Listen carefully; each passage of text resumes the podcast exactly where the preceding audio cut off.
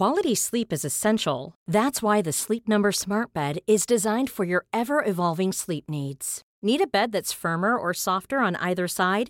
Helps you sleep at a comfortable temperature? Sleep Number Smart Beds let you individualize your comfort so you sleep better together. JD Power ranks Sleep Number number 1 in customer satisfaction with mattresses purchased in-store. And now save 40% on the Sleep Number limited edition Smart Bed for a limited time.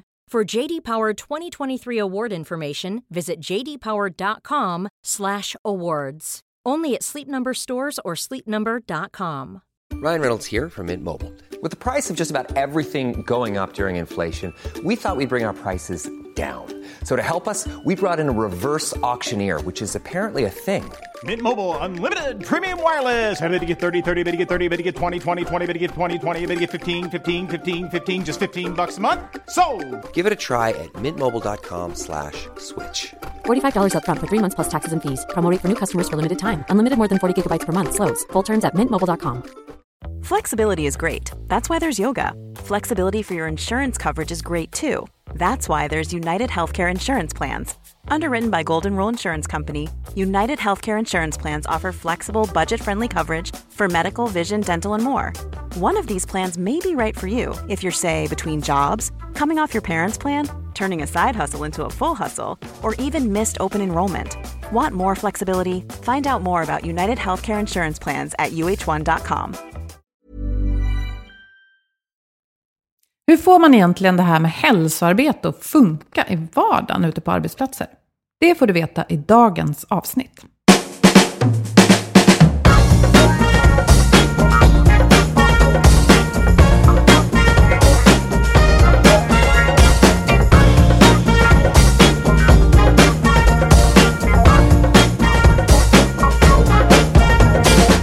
Här är Health for Wealth, en podd om hälsa på jobbet. Vi är Ann-Sofie Forsmark, hälsomanagementkonsult och Boel Stier, copywriter och kommunikatör. Vårt motto är att hälsa och lönsamhet hör ihop, om man satsar långsiktigt och hållbart. Forskningen är på vår sida och alla vill ha hälsa, men hur får man det att funka? Det tar vi reda på i den här podden. hej och välkomna. Vår partner Skandia har en ny digital tjänstepensionslösning för företag med max sju personer. Ja, och det är ju så att det är många företag som faktiskt saknar sparande i tjänstepension. Och man kanske har mycket annat att fokusera på, kan man bara gå till sig själv. Att det här kanske inte ligger top of mind hela tiden. Eh, och då kanske man skjuter den här frågan framför sig. Men tjänstepensionen, det skapar ju en, en viktig trygghet. Och eh, Skandias nya Bas Digital, det är en väldigt prisvärd lösning då, som till exempel även ensamföretagare kan använda. Och den innehåller förstås som övriga paket på Skandia en kostnadsfri förebyggande hälsoförsäkring och en sjukförsäkring för alla anställda. Läs mer på skandia.se företag. Ja, idag ska jag tanka dig, min kära poddkollega, på lite mer info om det du gör när du inte är här och poddar med mig. För det är ju så, vi har poddat sedan mars 2016. Och sen ett år tillbaka ungefär är du egen och ute och utbildar och föreläser om det här med hälsa på jobbet hela dagarna. Mm. Och vi ses ju mycket och har mycket kommunikation här, men jag är jättenyfiken på att höra mer om vad du ser och hör där ute. Alltså, hur mår arbetsplatser idag, skulle du säga? De mår eh, si och så, skulle jag säga. Det är många som mår väldigt bra. Och sen är det många som förstås inte mår så bra. Det ser vi ju, alltså den statistiken känner ju alla till. Och, och vet hur mycket sjukskrivningar har ökat. Och, och, och där är det så ibland svårt att utreda orsaken också. Därför att det är klart att vi, vi går ju ifrån jobbet och så upplever vi liksom stress. För det är ju mycket den psykiska liksom, negativa stressen som man pratar om. Um, så det finns potential att må väldigt bra tycker jag. Därför att vi, problemen som vi har är ju på om man tänker typiska yrken där man kan påverka sin arbetstid så, så har vi ju alla möjligheter att skapa ett hållbart arbetsliv. Men vi, jag tror att vi ibland fokuserar på fel typer av insatser, eh, fel typer av lösningar och vi har inte riktigt identifierat problemen utan vi tar typ problem från den industriella typ revolutionen och sen så försöker vi lösa dagens problem med dem och då kommer vi att köra i diket.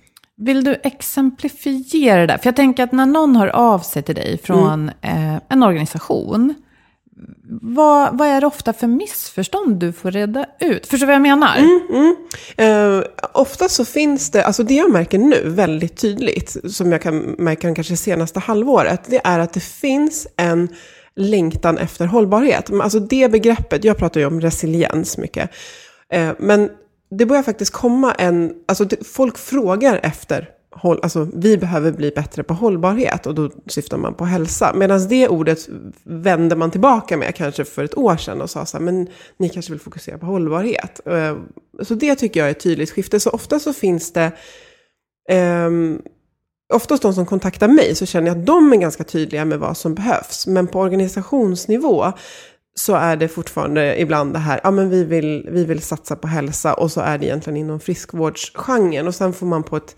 snyggt sätt belysa att okej, absolut, det är viktigt att vi satsar på friskvårdsinsatser för er personal, men ni har också utmaningar i mer strukturellt. Alltså hur I för- organisationen. Ja, Och det här är ju lite en start till varför du och jag började podda. Ja. För att vi kommer ju båda från en bakgrund där hälsa i termer av liksom motion, träning och, och mat och kost, här, för din del i alla fall, har varit liksom legat längst fram och högst upp på agendan. Men så sa vi, ja, anledningen till att folk blir sjuka idag är kanske inte så mycket att man inte tränar och äter rätt. I alla fall finns det väldigt många andra faktorer. Och i arbetslivet så är det ju organisations... eh, Alltså att det krävs organisationsutveckling. Man, man blir inte lyssnad på, det finns konflikter, saker är otydliga, dåligt ledarskap och så vidare. Så vi vill ju ofta att, eller vi vill inte bara ofta, vi vill ju att man börjar där. Och är det fortfarande den typen av missförstånd som du stöter på. Att, att någon hör av sig till dig och säger, kan du hjälpa oss med, med lite träningsinsatser? Och så är det egentligen så att man behöver fundera på hur hela organisationen är eh, uppbyggd och fungerar. Ja, det är för, som tur var nu så är det väldigt få, fast jag älskar ju träningsbiten också, så det är väldigt få som hör av sig, för jag har liksom i alla fall distinkt, ja, separerat mig från det ganska tydligt. Men eh, just det här att man kanske, eh, hur ska man säga, att eh, alltså våra utmaningar nu, det kan sammanfattas i det här begreppet paid. Alltså det är pressure, alltså det är, ett, det är press på oss, som vi antingen lägger på oss själva, eller som är på oss. Och sen är det always on, alltså vi är alltid uppkopplade. Vi är uppkopplade och tar in information till den här stackars hjärnan alldeles för stora tider på um, stor del av dygnet. Och så information overload. Vi har svårt att parera vilken information som når oss, men också vad vi behöver egentligen på riktigt förhålla oss till. Och sen distractions, så att när vi väl gör någonting så är vi hela tiden distraherade. Och det här begreppet kallas då för paid. Eh, och då är det de här utmaningarna som vi behöver bemöta. Och plus till det kan vi lägga att på de allra flesta så har vi en fysisk utmaning. Antingen är vi alldeles för stilla. Och några kanske då kompenserar det med väldigt tuffa träningsutmaningar som i sig blir ett till paid med pressure, always on. Och så ska jag ta in massa information och så, ja. Eh, och sen så har vi andra yrken där man liksom nöts ner nästan till fotknölarna om vi pratar inom vård, exempel vårdyrken. Där man liksom slits ut för att kraven är höga och resurserna låga. Så att det finns liksom två, det är, det är ett spektra med två olika typer av Och utmaningar och möjligheter att lösa problemen. För jag tänker en personal inom förskola eh, har inte riktigt samma möjlighet att säga, nej men då lägger jag in 30 minuter på lunchen där jag bara går ut och tar en promenad. Och Nej, så tänker vi en inte. konsult som är under press för debitering till exempel, skulle ha större möjlighet att få till det, men har en annan typ av, av press på sig. Kanske ensamstående förälder och Jajamän. faktiskt inte kan ta sig den där halvtimmen trots att man skulle vilja det. Mm. Ja, men absolut. Det paid var ju ett intressant begrepp. Rasmus Hågard heter han som har myntat det. Han Mm. jobbar med mindfulness. Nej, men jag tänker, vi började podda då, jag återkommer till det, och ville, vad ska jag säga, spräcka en bubbla eller reda ut något vi tyckte var ett missförstånd. Gå inte på fruktfaten och friskvården som första steg, utan eh, ja, se över organisationen, hur ni kommunicerar, hur ni är mot varandra. Och i grund och botten handlar det om hur människor är mot varandra Ja. i vardagen. Men sen så sa ju du här i inledningen att det här med hållbarhet är ett begrepp som folk börjar fråga efter. Kommer, kommer dina kunder då liksom och och säger att men vi vill satsa hållbart på hälsa just? Är det så man definierar det? Det är ju fantastiskt. Men du nämnde en utmaning då för dig när du ska så säga, liksom, sälja in dina tjänster. Men också, det gäller ju för oss som vill ut med det här. budskapet att du kan ha en förtrogen i organisationen som vet vad hon eller han vill köpa av dig. Men som behöver plantera det i ledningen kanske. Och, Mm. och där pratar man inte riktigt samma språk. Är man fast på friskvårds och fruktfatsnivån då i ledningen, eller? Det kan ju också vara att det, finns här, nej men ni kanske har en, ofta har man i vissa fall en ganska otydlig budget. Men vi, ni, är det någonting bra så får man liksom investera i det. Men om man, om man till exempel gör en kartläggning av en organisation, vilket jag alltid vill göra, så tittar jag ju i tre led. Och det ena är ju då på struktur och organisationsnivå. Till exempel, hur ser belöningsstrukturer ut här? Hur ser vår, eh, vad är vår liksom vision, vad är vårt syfte? Eh, och hur, är vi liksom, hur jobbar vi här? Och sen är det ju då på ledarskapsnivå. Hur, vad har chefer för förutsättningar att leda och hur ser deras vardag ut? Och sen är det på liksom individnivå. Att hur ser det ut för möjligheter för individen att påverka sin vardag på jobbet? Och är man riktigt lyckligt lottad och känner så här, ja men vi behöver satsa på hälsa, så ser man så här, fantastiskt engagemang. För det är en del av det här struktur också. Eh, högt engagemang och en, en tydlig vision som alla känner till. Bra belöningsstruktur. Alla strukturer finns på plats för hållbarhet. Cheferna har fantastiska förutsättningar, lagom antal arbetare, ti- eh, eller anställda som de leder, tid att leda och känner en trygghet och så. Eh, då är man ju på den nivån att man behöver öka förutsättningarna för, för medarbetarna. Då kan det handla om fler fruktfat, eh, lägga till ett omklädningsrum, skaffa elcyklar till alla. Alltså då kan det vara på den nivån och att stötta medarbetare i att själva skapa sin hållbara vardag. Men det är väldigt få organisationer som har utmaningar bara på den nivån. Och eh, som exempel så, så jobbar jag med en konsultorganisation där alla är väldigt engagerade. Och människor längtar efter hållbarhet. Om vi har landat i, vi har workshoppat och vi har pratat och landat i att men det kanske behövs en förändring i hur till exempel belöningsstrukturen ser ut. Alltså hur belöningsmodellen ser ut. För att om den går stick i stäv mot att jobba hållbart, då blir det väldigt svårt att få effekt på andra håll. För i slutändan så går vi till arbetet för att få betalt. Det är där det börjar. Så. Och belöningssystem, menar du då i reda pengar eller är det andra typer av belöningar? Ja, men det är både det och till exempel vilka premierar vi eh, om man har så grade-system till exempel. Vilka är det vi premierar? Om vi premierar någon på volym på sälj, det är ett ganska tydligt budskap att det är det som ligger allra högst och allra viktigast. Men om jag på något sätt kan bara premiera det här som eh, här, klamrar mjuka värdena, alltså att du har förmågan att lyfta dina medarbetare och skapa engagemang. Om jag kan mäta det och så lyfter jag dig för det. Det är två helt olika spår och som skapar olika... Här, här blir ju många rädda och tänker, nej men det går ju inte att mäta. Det är ju subjektiva bedömningar. Mm, vad säger du då? Hur jobbar man då? Men det går, det går ju att mäta. Du, alltså vi vill ju jobba med feedback. Och om man lyfter det här, för de, de flesta har ju värdeord som är mer kopplade till sälja så mycket det går. Nej, utan det är så här, skapa engagemang, göra skillnad. Eh, om vi vågar investera i tid att premiera sådana saker, och eh, det, är ett, det är en del som man kan eh, jobba med. Men sen också att vi, ja men precis, vad är det för beteende vi premierar? Vad ställer jag, om jag är din chef, vad ställer jag för frågor till dig? Liksom, ställer jag en fråga till dig om så här, Boel, hur ser du till, du är så driven och jag ser att du jobbar på.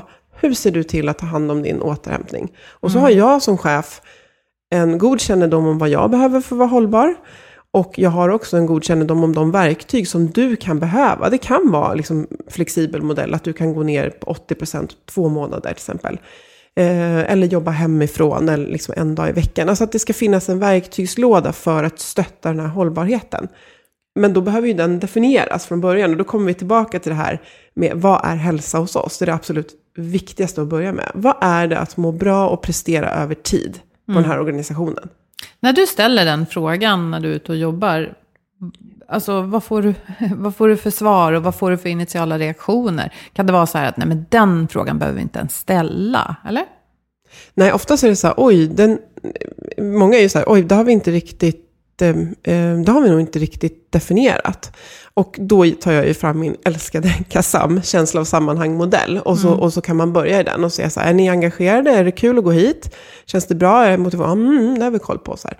Vet folk vad de ska göra? Ja, de kan bli lite bättre på det. Och så hur ser det ut med resurser? Ja, ah, vi har alltid ont om folk och tiden räcker inte till. Ja, ah, intressant. Då har vi hittat. Då har ritat en karta Eller, över ah. ja, vad, vad det är bra och vad vi behöver stärka. Mm. Men för de flesta, om man ska generalisera, så är det ju att medarbetarna vill gå till jobbet. Att de vet vad de ska göra och de vet vad deras roller är. Mm. Och det är tydligt, det finns en trygghet i att organisationen finns kvar liksom om, om ett tag. Mm. Eh, och att de har tillräckligt med resurser. Alltså i form av både personal och liksom tekniska lösningar som funkar.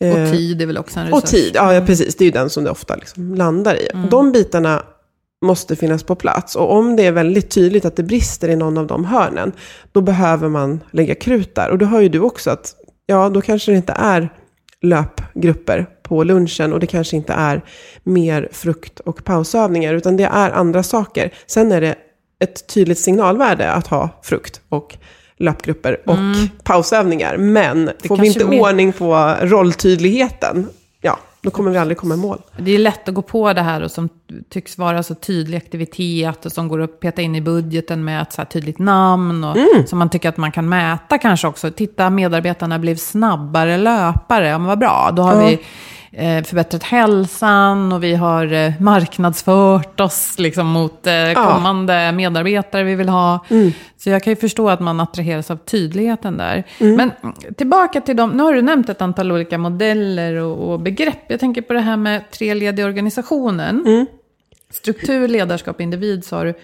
Och jag tyckte att du ville hävda här att man måste alltid börja uppifrån och ner. Man kan alltså aldrig börja med individen och sen ledarskapet och sen strukturen, eller? Det kan man, man kan absolut börja med individen och alla vinner ju på att rösta.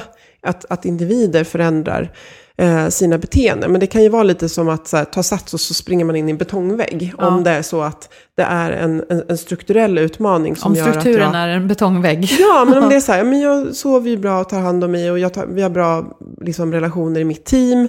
Eh, men så vill jag göra karriär här och den bygger liksom helt på att jag ska och bara jobba väldigt mycket och det handlar bara om att liksom prestera Kanske, i volym. Ja. ja. exakt. Det här säljmåttet då, det är ju väldigt tydligt att ha som exempel. Att man mm. känner då, ja, jag ska sälja mycket, sälja mer. Ju mm. mer jag säljer är bra. Mm. Men då kan det ju vara, bli en konflikt för att kunderna behöver kanske inte att man säljer på mer, utan att man kanske levererar ett större värde mm. som man skulle kunna ta mer betalt för. Eller ja. ja så. Men det kan vara sådana grejer som får effekt på sista raden, att det, det tar lite tid. Jag tror att det syns på en gång egentligen. Men, men det kan vara lite, det är lite så här mer kvalitativt. Jag använder ju väldigt mycket, um, alltså McKinsey har någonting som, de har en bok som heter Beyond Performance som jag tror att den heter Beyond Performance, den är orange.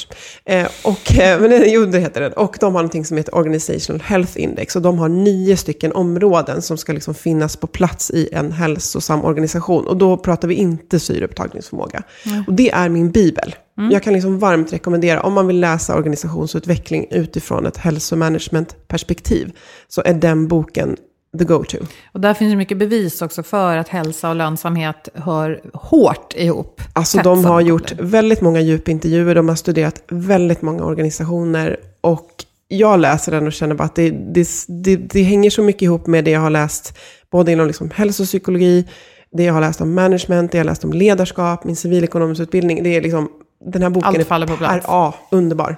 Och jag har också nosat på den här, de här dokumenten och där står det att man, börjar man jobba med de här sakerna så ser man ju effekt rätt snabbt på mm. ja, 60-tal månader. Det behöver mm. alltså inte ta fem år. Nej, nej absolut inte. Alltså vi vet ju just det här bara att en, en trygg hjärna är ju redo att prestera. En otrygg hjärna är inte det. Kan vi skapa trygghet i form av vad det nu kan vara för utmaning man behöver hantera. Om det är på liksom grupp och ledarskapsnivå eller om det är på organisationsnivå. Mm. Så, så har man gjort väldigt, väldigt mycket. Vad är de viktigaste argumenten då? För jag tänker åter till den här personen, den här fiktiva personen, men som kanske finns, som kontaktar dig och som ser de här värdena, men som har lite svårt att motivera för eh, beslutande instans att man ska göra en sån här organisatorisk översyn eller jobba med organisationsutveckling istället för friskvårdsaktiviteter. Vad, vad är liksom, finns det någon så här härlig trepunktslista som man bara kan dänga till med? Eller? Och så oftast har vi ju mycket data data på plats. Alltså det finns mycket data som man kan, som man kan samla ihop, som kan faktiskt ge liksom en nulägesbild. Av den Eh, egna organisationen. Ja, precis. Om det var det du menade, att trepunktslista som man ska... Ja, men så att man ser liksom ett nuläge. Men lite så här, vad är det att prestera hållbart hos oss? Vad är hälsa hos oss? Det är det här. Okej, och hur ser det ut idag? Mm, det ser ut så här. Då får man en tydlig bild av. Eh, och jag tror, det är klart att det här ska synas på papper och gå och räkna på. Men många har ju en magkänsla för var utmaningarna ligger. Jag har sällan stött på människor som inte kan sätta ord på. Eh, de kan få hjälp av KASAM-modellen, bara få pinpointa, där är våra problem. Men de flesta har en ganska tydlig känsla av vad det är som inte funkar. Ehm, så att då får man ju liksom ett nuläge. Och sen det som, det som är min, det här är inte min USP skulle jag säga, eller det kanske är det, men det är just att du får inte mer timmar per dygn för att du eller ni som organisation väljer att ja, men nu ska vi jobba hållbart, nu ska vi fokusera på hälsa, både på alltså organisation och ledarskaps och individnivå. Det måste ske inom ramen för den tid som ni redan har. Så vi måste sm- skruva på saker som ni redan gör, där ni redan är. Vi kan inte lägga till, kanske inte ens kan lägga till en tre dagars utbildning, men vi kanske kan lägga till en, till exempel. Eh, utan det måste ske där ni redan är. För du får inte mer tid bara för att du bestämmer dig för att ta hand om din hälsa. Utan vart, vart är redan ditt liv? Det är ju ändå det som det ska stötta. Så. Så det handlar om att se vad man har och gräva där man står. Och det är ju också sånt som brukar kallas för lågt hängande frukt. Att det är ofta kanske lättare än man tror att börja påverka saker i en positiv riktning. Kan inte du berätta lite exempel från... Alltså det vore kul att höra lite framgångsexempel från din arbetsverklighet. När du är ute och utbildar, föreläser och får organisationer att förändras. Mm. Ja, men mycket så har det varit just det som jag märkt att folk spricker upp i ett leende och liksom känner så här, gud det här kan vi göra. Det är just när man kanske pratar om, ja men just möten till exempel. Att okej, men vi har det här mötet varje vecka. Att det, istället för att börja direkt på, på agendan så börjar man med eh, att liksom, gå just bordet runt och fråga hur alla har det inför den veckan. För då skickar man en tydlig signal om att man bryr sig om hur folk har det. Att det är viktigt att de har en hållbar arbetssituation. Det här är ju lagstadgat också. Ehm, och man skapar också förutsättningar för någon som bara hade tänkt att försöka tugga sig igenom den här veckan. Att faktiskt lyfta att säga, jo men jag har alldeles för mycket. Ehm, och det här är ju en grej som inte tar speciellt mycket tid. Du behöver inte ladda ner en app för att göra det. Du behöver inte köpa in någonting. Utan det handlar om ditt beteende som chef. Att visa och berätta så här, jag... Eh, ja, men här, först går bordet och sen också en annan grej, att man själv bjussar på hur man själv tar hand om sin, eh, sin hållbarhet. Därför att ofta så, när vi leder, i de flesta fall, så leder vi kanske yngre medarbetare. Som då själva ska gå i precis alla fäll- fällor innan de lär sig vad man ska stressa upp sig över och inte. Och många seniora eh, chefer till exempel, de har ju lärt sig det här the hard way. Och vet att så här, men det där, nej men jag släpper ju faktiskt jobbet när jag går, går därifrån. Kan du hjälpa till att kommunicera det här till dina medarbetare? Att så här gör jag. Jag stänger av mobilen och kollar inte den just då och förväntar mig att ni gör detsamma. Det är sådana här grejer som är, nu är det här små, små bitar, men, men det, är- det är väldigt effektfullt. För det kostar ingenting, det tar inte mer tid att göra det. Utan det är men en tydlig signal att hållbarheten är viktig. Och bygger en kultur och förändrar beteenden.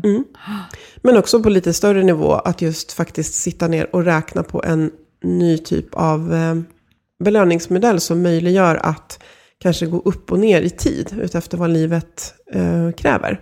Det är ju en ganska stor förändring. Så. Har du gjort det för någon? Eh, håller på lite grann. Mm. Mm, kan berätta mer senare kanske. Ja, vad intressant.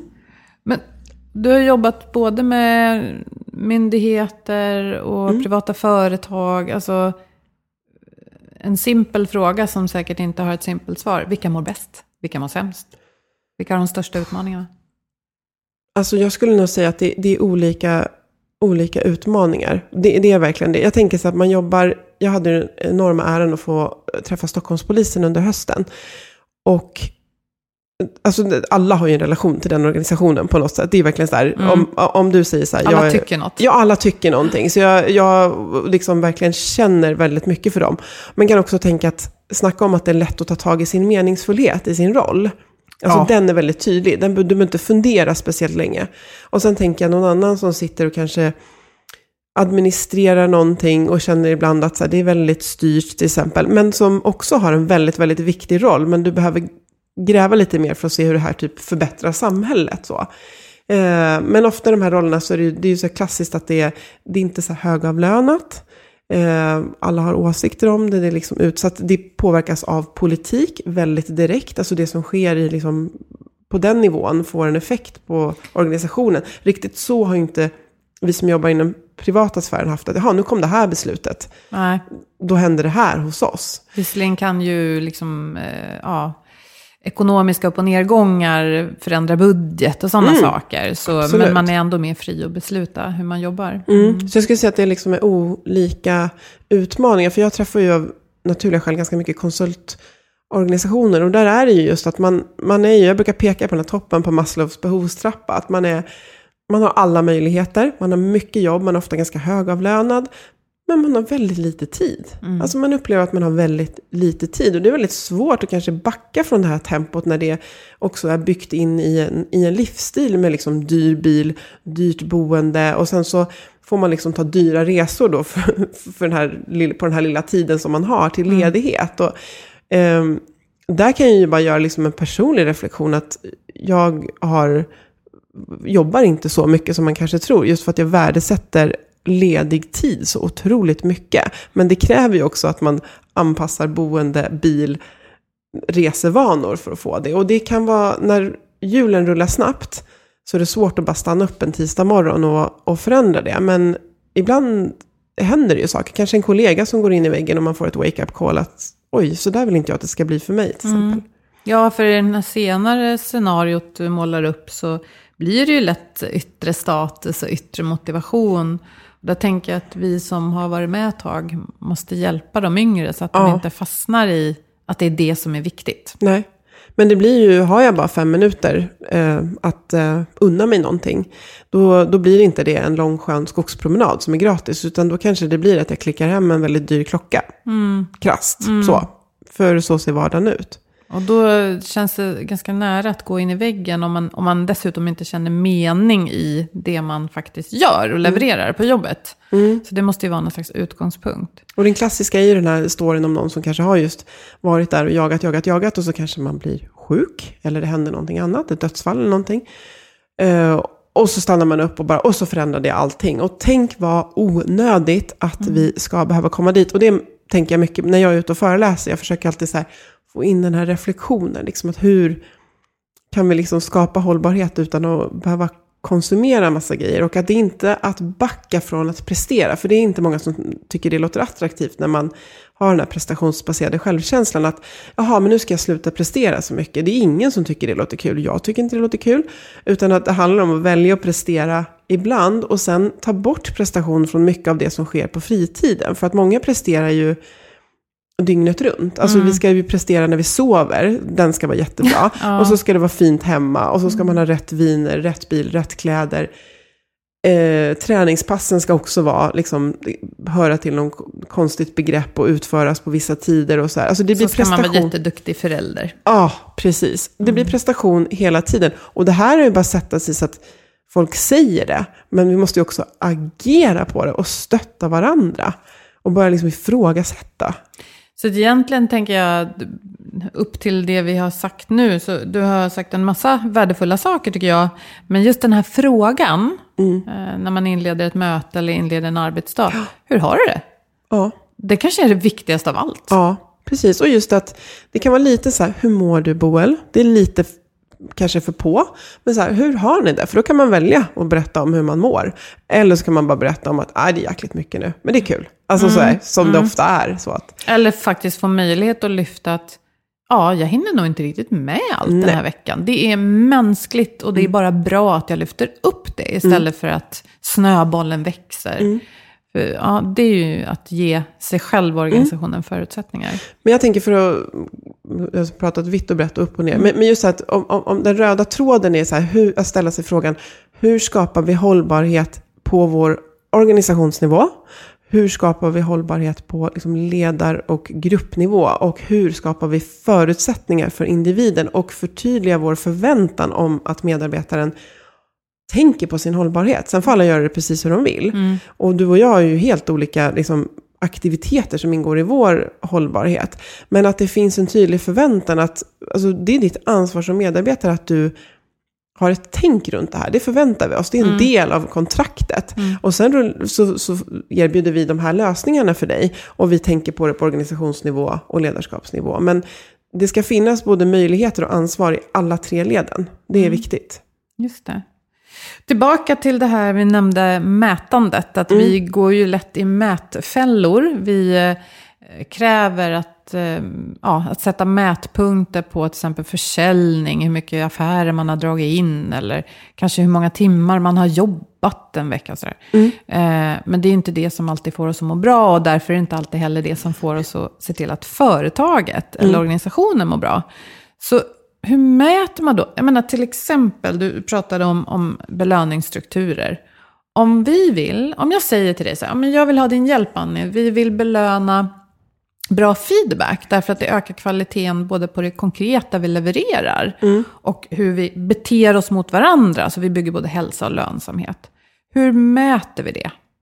Ja, den var svår, just feedback. För det blir ju lätt att jag då ska typ komma någon sån här klickklocka. Så här, Nu Ja. har du gett tio feedback. Och så blir det ju, jag tänker på det här med nudging också. Att vi, ehm, ja men till exempel om man, om man skulle, ja är jättekonstigt. Men då, vi ska ju inte belöna själva att du ger feedback. Utan vi För då vill kan ju, det bli tomt och innehållslöst. Ja, Mm. utan vi vill ju sträva efter vad är det för effekt vi förväntar oss att vi ska få från feedback. Kanske att du, eh, alltså kunderna blir nöjdare. Därför att du växer i ditt självförtroende som medarbetare. Om du får mycket feedback. Så vi får tänka kanske ett steg till. Och förstå att det kommer inte vara en linjär. Men det kommer att synas på, om du får mer feedback, då blir du bättre på ditt jobb. Du trivs bättre. Eh, och om vi har haft pers- hög personalomsättning till exempel, kanske den går ner. Eh, våra chefer kanske får bättre feedback om vi har sån här upward feedback-modell. Upward feedback-modell. Ja, men till exempel att jag kan anonymt, eh, om du är chef så kan du efterfråga feedback från dina medarbetare. Men anonymt, och det här Mm. Ah. bygger på att det är ett visst antal, annars blir det väldigt tydligt. Så, Ja, kan, det. så ser du så, oh jag får bättre upward feedback nu än vad jag fick förra året. För att jag har börjat ge mer feedback till mina medarbetare. Där Men, kan man alltså ganska lätt mäta... Eh, ja, eller vänta, Ledarskapet. De, ja, just det. Ja. Så man mäter ju inte feedbacken. Men jag tänker, om vi nu säger så här, om vi vill belöna Mm. att vi feedbackar på ett konstruktivt och bra sätt Mm. i organisationen, i alla led så att säga. Skulle man kunna ta det på medarbetarsamtalen? Ja, men så här, hur har du jobbat med din feedback under den senaste perioden? Och då utifrån hur man berättar och motiverar, att man på något sätt då ja, belönar det. Skulle det funka? ja, och sen har ju de flesta har ju medarbetarundersökningar. Och lägger man till Eh, fast då blir det på kollektiv nivå. Man säger så här, hur upplever du att feedbackkulturen är? Men det är ju det här om man ger direkt feedback. Vem skulle du vilja premiera som har gett riktigt bra feedback? Det beror ju lite på storlek på grupp och sådär. Men jag förstår vad du, vad, du, vad du är ute efter. Att när man ska jaga de här mäta de mjuka bitarna. Eh, så, eller de kvalitativa delarna, så blir det lite svårare än ren volym. Men sen får man inte glömma att i de flesta fall så är det någon typ av volym som ska öka. Marknadsandelar. Um, hur mycket vi säljer, mer försäljning per kund. Det är ändå dit vi ska. Det är bara att förut kanske vi har bara liksom premierat direkt det. Men nu ser vi att för att vi ska vara uthålliga i det så krävs det att vi eh, ger mer feedback till varandra, har mer Facetime med varandra till exempel. Och då vill vi premiera de beteendena också. Och hypotesen är ju då att om vi blir bättre på feedback, konstruktiv, genomtänkt och bra feedback, så kan vi leverera bättre, vi håller över tid. Absolut. Och, och vi får bättre kundrelationer. Så det kan man ju då bara sätta igång med och leda bevis. Men ta upp det på medarbetarsamtalet så att man vet att det löpande kommer upp. För då, det är ju lättare då om man har lite den blåslampan på sig att kanske våga. Vad vet jag. Och också om man vet att det finns förväntningar på en. Eh, och att jag vet att jag behöver liksom berätta och motivera för min närmaste chef med jämna mellanrum. Så blir det också roligare. Ja. För då får jag feedback på mitt feedbackjobb. Ja, och då kommer vi tillbaka till det här med varför. För att om vi bara säger så här, nu har vi bestämt att alla ska ge tio feedback varje vecka. Då kommer jag ju sitta på fredag och bara, åh, Ja. lyssna iväg tio stycken. Då har vi ju tappat det. Utan det kommer ju tillbaka till det här med att bygga in det i kulturen. Ja. Att jag vet till exempel att det finns en förväntan om att eh, jag tar hand om min hållbarhet och det, jag är inte låst vid de här 40 timmarna. Jag känner att jag bara tokfokuserade på torsdagen. och gjorde världens leverans. Och då vet jag att så här, på fredagen, då, ja, jag flexar ut. Och det är ingen snack om saken. Ingen lyfter ett ögonbryn när jag går. För att i vår kultur, då vet jag att det är okej. För då finns en tydlighet i vad jag ska leverera och Ja. göra. Och det här funkar ju inte alls inom organisationer där man till exempel har skiftjobb. Man kan ju inte så kanske som polis, Nej. bara, alltså vilken insats vi gjorde i natt. Nu är det två timmar kvar, men alltså jag känner så här att jag måste gå hem och sova. Utan där handlar det ju liksom om andra eh, utmaningar. Men det är samma där, att man, ehm, att man kan, okej men du och jag åker runt i radiobil tillsammans. Och ehm, då har vi en plan för att när det är jättelugnt, eh, då försöker vi göra det här. Och när det är mycket, då försöker vi göra så här. Så att vi liksom har, hela tiden ligger steget före. Och hur skapar vi förutsättningar med det vi har? Just det. Och frågan hur har du det, den funkar ju alltid. Mm. Det kan vi väl ta som ett medskick. Den frågan kan man bara ställa till varandra oavsett vem man är. Uppåt och neråt i organisationen. Ja, Faktiskt. verkligen. Ja. ja, men supertack Annie. Jag summerar lite tillbaka på vad jag pratade om. Det här med paid var ju ett intressant begrepp som jag inte kände till. Pressure, always on, eh, information overload och distraction. Ja, vi är pressade idag, vi behöver hantera det. Och några av de modeller du har nämnt är ju det här med de tre leden i organisationen, att se dem. Strukturen, ledarskapet och individen. Eh, att bygga dem, kanske uppifrån och ner, men eventuellt nerifrån och upp också. Men se dem och, och se att alla behöver sin omsorg, så att säga. Eh, och sen KASAM-modellen, den här triangeln med varför, vad och hur. Var har man sina brister? Mm, och när jag som... känner att det inte känns bra, och jag känner så här, vad är det som inte stämmer? Ja, men för att det är ju så här, är det otydligt så kommer det drabba ditt engagemang också, självklart. Men eh, den modellen kan vara bra att hjälpas åt med och ha med medarbetarsamtal också. Ja, den kan man ju ta med sig själv även om inte organisationen i sig jobbar med den. Ta med den. Den här vill jag använda för vår diskussion idag. Ja. Ehm, tack Annie. Och ja, hur har ni det där ute? Hur jobbar ni med det här? Berätta för oss och dela, dela med er. Och jag tänkte säga att det, vi har prat, det jag har pratat om nu, eller det, och just hur man kan jobba med det här strategiskt och bygga sitt eget, för alla organisationer har ju sitt unika liksom, utmaningar, men också sitt unika sätt att kunna jobba med det här, givet att man då inte får mer tid per dygn. Så håller jag faktiskt en utbildning i det 23 maj i Stockholm hos Blendo Group, precis vid, eh, Humlegården. Just det. Eh, och det blir en hel dag och det blir väldigt mycket eh, kavla upp ärmarna och jobba och få liksom, teori, lära sig räkna, ta med egna siffror och eh, också bolla med varandra och, och kunna gå därifrån och liksom ha, eh, kommit igång med ett strategiskt sätt att jobba med det här som är också verktyg för att just kanske komma in i, i ledningsrummet. Men det passar både chefer och HR och dig som vill jobba med hälsa. Superbra. Och det här är alltså året 2018. Om man nu lyssnar på det här i framtiden, då får man göra av sig och be om en ny Precis. sån utbildning. Eller? Ja. Ja. Jag skulle vilja vara med där också. Jag blir jättesugen. Jag tror att det blir tillfälle till i december 2018, om jag inte minns fel. Kul! Tack så mycket! Tack för själv. att du ville prata med mig idag, kära poddkollega. Hörni, ta hand om er där ute. Vi ska tacka våra samarbetspartners, Twitch, Health och Skandia. Och som alltid vill vi uppmana er att prata och dela med er av egna ja, synpunkter, framgångar och, och motgångar. Mm. Vi finns på Facebook och LinkedIn. Tack till Agda Media för den här produktionen. Tack så mycket. Hej då! Hej då!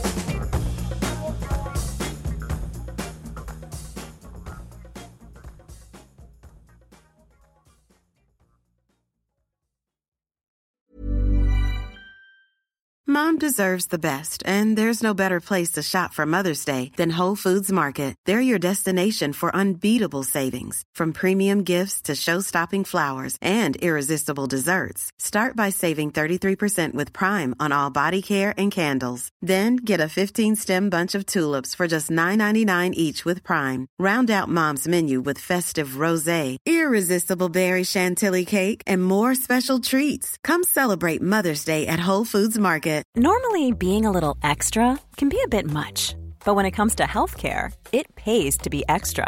And United Healthcare makes it easy with Health Protector Guard fixed indemnity insurance plans. Underwritten by Golden Rule Insurance Company, they supplement your primary plan, helping you manage out of pocket costs without the usual requirements and restrictions like deductibles and enrollment periods. So when it comes to covering your medical bills, you can feel good about being a little extra. Visit uh1.com to find the Health Protector Guard plan for you. Even when we're on a budget, we still deserve nice things. Quince is a place to scoop up stunning high end goods for 50 to 80% less than similar brands. They have buttery soft cashmere sweaters starting at $50, luxurious Italian leather bags, and so much more. Plus, Quince only works with factories that use safe, ethical, and responsible manufacturing. Get the high-end goods you'll love without the high price tag with Quince. Go to quince.com/style for free shipping and 365 day returns.